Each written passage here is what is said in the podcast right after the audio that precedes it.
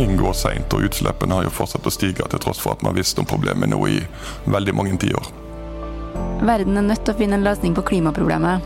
Og hvis vi skal klare det, så må oljeforbruket i verden ned. Men mange mener at det ikke går fort nok. Så hvorfor klarer ikke verden å kutte bruken av olje raskere? Vi, vi kan ikke bare stoppe fordi verden bruker 100 millioner fart hver eneste dag. Og med dagens teknologi så er det ingen erstatning for det.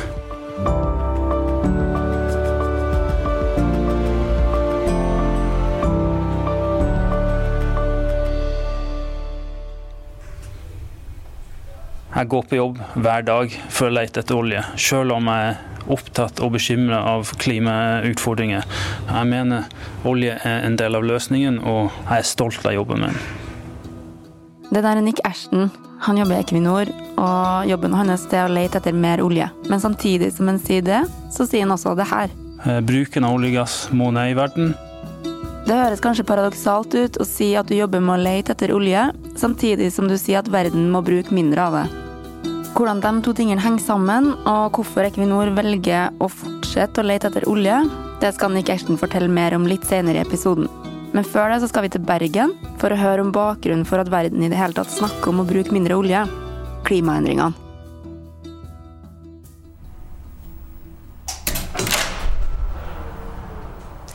Nå er vi på Bjerknessenteret for klimaforskning i Bergen.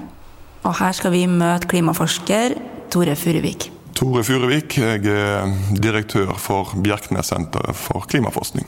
Hvis du skulle sagt hvordan verden ser ut i dag, hva er status for verden? Ja, Status nå for verden og for klimaet er at det blir eh, gradvis varmere. Og, og så ser vi at vi får veldig mye mer av ekstremvær, så mer eh, veldige nedbørsmengder. Vi ser at området blir mer utsatt for tørke i veldig mange deler av verden. Og så ser vi òg at vi får mer og kraftigere orkaner enn før. Den har egentlig en sånn rekke med uheldige konsekvenser av at eh, drivhuseffekten den blir sterkere og sterkere, som gjør at klimaet blir varmere. Er det noen tvil om at det er menneskene som er årsaken til at det her skjer? Eh, nei, i dag er det ingen tvil om at drivhuseffekten er der, og at det er mennesket som gjør at drivhuseffekten blir sterkere og sterkere.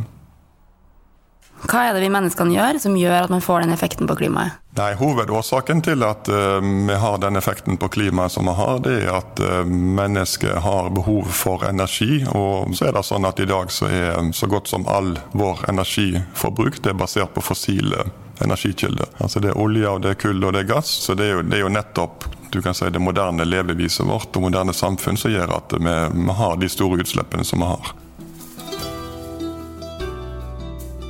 Tore Furuvik forteller oss at eh, fossile brensler står for omkring 80% av alle klimagassutslippene i verden. Så da blir jo spørsmålet, når verden vet det, og vet hvordan fossile brensler bidrar til klimaproblemet, hvorfor klarer vi likevel ikke å kutte bruken av det raskere?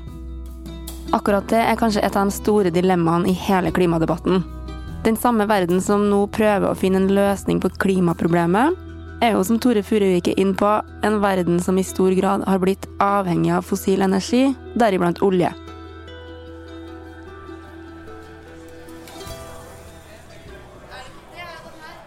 Vi er på Oljemuseet i Stavanger, Norges definitive oljehovedstad. Her er det fullt av folk som har kommet for å få et innblikk i norsk oljehistorie. Og her skal vi møte Nick Ashton, letesjef for norsk sokkel i Equinor. Hei, heter Nick. Hyggelig. Hyggelig, hyggelig. Nick Ersten, du er letesjef i Equinor. Hva er olje? Kort sagt så er olje energi. Det som gjør oljen så unikt, er at uh, i verdenssammenheng så er det ikke mye som har like mye energi per kilo eller per enhet. Så det er ekstremt store mengder med energi, og det kan vi utnytte i alle de tingene som vi forbinder med olje, med transport og produkter osv. Du sier at olje er en veldig unik energikilde, men hva betyr det når man tenker på at man skal bytte ut oljen med andre energiformer? Å bytte ut olje med andre energiformer er ekstremt, ekstremt krevende. Per i dag så finnes det ingen teknologi som kan ta et fly med 300 mann fra Oslo til København på en time. Det krever så mye energi, og hvis man skulle bruke batteri eller andre ting som vi kjenner til i dag, så lar det seg ikke gjøre. Hører du ordet olje, så ser du kanskje for deg en oljeplattform eller en bensinstasjon, men se deg rundt. Det er olje overalt. I interiør, elektroniske apparater, bygninger, veier, andre konstruksjoner. Veldig mye av det vi har i Norge i dag, kan vi takke oljen for, inkludert noen av de rauseste og beste velferdsordningene i hele verden. I tillegg så går mye av inntektene fra olje- og gassnæringa inn i oljefondet. Der sparer staten til framtidige generasjoner, og per i dag så har vi nesten 10 000 milliarder kroner på bok. Så uten olje så hadde verden sett ganske annerledes ut. Og klimaforskeren er jo ekstremt tydelig på akkurat det. Vi må gjøre ting annerledes. Her er Tore Furuvik igjen. Hva er det som kommer til å skje hvis ingenting endrer seg? Ja, så Det som jeg ofte pleier å si når jeg holder foredrag, er at eh, vi vil få veldig mye mer av det vi allerede observerer. Så Hvis vi skal ta Norge først, så ser vi hovedproblemet i Norge i dag det er at vi får mer ekstrem nedbør. Og Vestlandet får en veldig mye mer nedbør i forbindelse med lavtrykk om høsten, mens Østlandet og Sørlandet har en veldig mye mer sånn tropiske regnskyller. Det vi ser det er at det fører til ras, det fører til stengte veier, og det fører til flom, og det har òg ført til dødsfall i Norge. Men hvis en ser på den aller verste konsekvensene sånn globalt, så henger det nok sammen med mindre nedbør. Altså en får ekstremt høye sommertemperaturer kombinert med mindre nedbør og tørrere jord.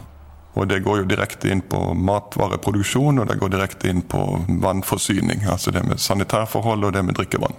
Så globalt så er det nok mangel på vann som er den veldig store trusselen, mens i Norge så er det, henger det mer sammen med altfor mye vann på kort tid. Mm. Så hva er det som må skje? Ja, nei, Det som må skje, det er at utslippene de må reduseres, og de må så raskt som mulig gå mot null. Og hvordan ligger vi egentlig an?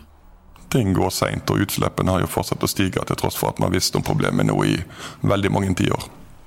Hvis en ser på norske forhold, så har en hatt, iallfall siden 1990, så har utslippene gått ganske mye opp i olje- og gassektoren, og så har de gått ganske mye opp i transportsektoren. Men sånn som industrien har utslippene gått veldig mye ned i Norge. Når du hører på det Tore Furuvik sier, så er det kanskje ikke så rart at folk begynner å lure på om vi skal fortsette å produsere olje her i Norge. Så hva mener Equinor om det? Mener de at vi skal fortsette sånn som før? Equinor tenker ikke at vi skal fortsette sånn. som før. vi er veldig, veldig opptatt av eh, klimautfordringen og, og løsninger mot det. Bruken av olje og gass må ned i verden. Eh, bruk av fornybar energi må opp, og det jobber vi med hver dag. Men det er jo veldig mange som mener at vi bare skal stoppe med olje. Hvorfor er ikke det et alternativ, mener du? Alle alle prognoser, selv de absolutt mest optimistiske i en klimasammenheng, krever mye olje de neste 30-40 årene, så lenge prognosene går. De mest optimistiske krever halvparten av dagens eh, oljenivå om 30-40 eh, år. Til og med FNs klimapanel sier at i 2050 så trenger verden eh, olje som en del av energimiksen. Men hvorfor kan ikke vi bare stoppe? Vi, vi, kan ikke bare stoppe fordi verden bruker 100 millioner fart hver eneste dag. Og med dagens teknologi så er det ingen erstatning for det. Å, å, å si stopp er ikke å snakke om en løsning. Det er en utfordring her som må løses. Vi er nødt til å forsyne verden med energi. Vi kan ikke bare stoppe med dette og håpe at noe annet dukker opp. Og løsningen må vi finne ut av sammen. Vi må snakke mer om fornybart, vi må snakke mer om effektivisering, om karbonfangst, om energisystemene. Og vi vil være en del av løsningen. Det aller meste av CO2-utslippene som kommer fra olje, det kommer fra bruken av det, og ikke produksjonen. Og av all den oljen som verden bruker i løpet av en dag, så står Equinor for 2% Siden det er såpass lite i den store sammenhengen, så er det mange som mener at Equinor burde bare kutta ut sin produksjon for klimaet sin skyld. Men Nick Ashton er ikke enig i det. Tvert imot.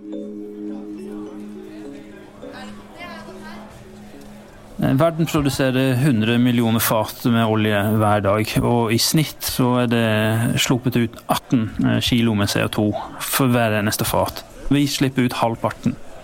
Hvis hele verdens oljeproduksjon hadde hatt det samme standard som vi har i Norge, så hadde vi spart eh, over 300 millioner tonn eh, CO2 hvert år. Det er over seks ganger Norges totalutslipp for hele landet. Det er mye olje som er funnet i verden, som ved utvinning vil utgjøre mye større eh, impact på klimaet enn en nye, moderne oljefelt med eh, lav energiforbruk. Hvis ikke vi leter etter mer eh, høy verdi og lav karbonfelt, så risikerer vi at verden begynner å ta tak i disse oljesandreservene, de tungoljereservene som ligger allerede funnet, men eh, ikke utnyttet i dag. Dette vil gi en katastrofal eh, økning i CO2 per fat.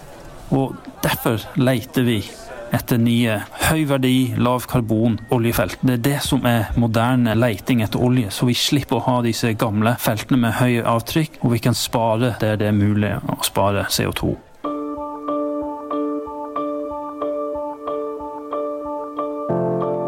En ting vi vet om verden, det er at det brukes 100 millioner fat olje hver eneste dag akkurat nå. Og den oljen kan ikke erstattes på 1, 2, 3. Vi vet òg at utslippene fra olje og andre fossile energikilder de må ned, og det må skje fort hvis vi skal ha en sjanse til å klare klimamålene i Parisavtalen.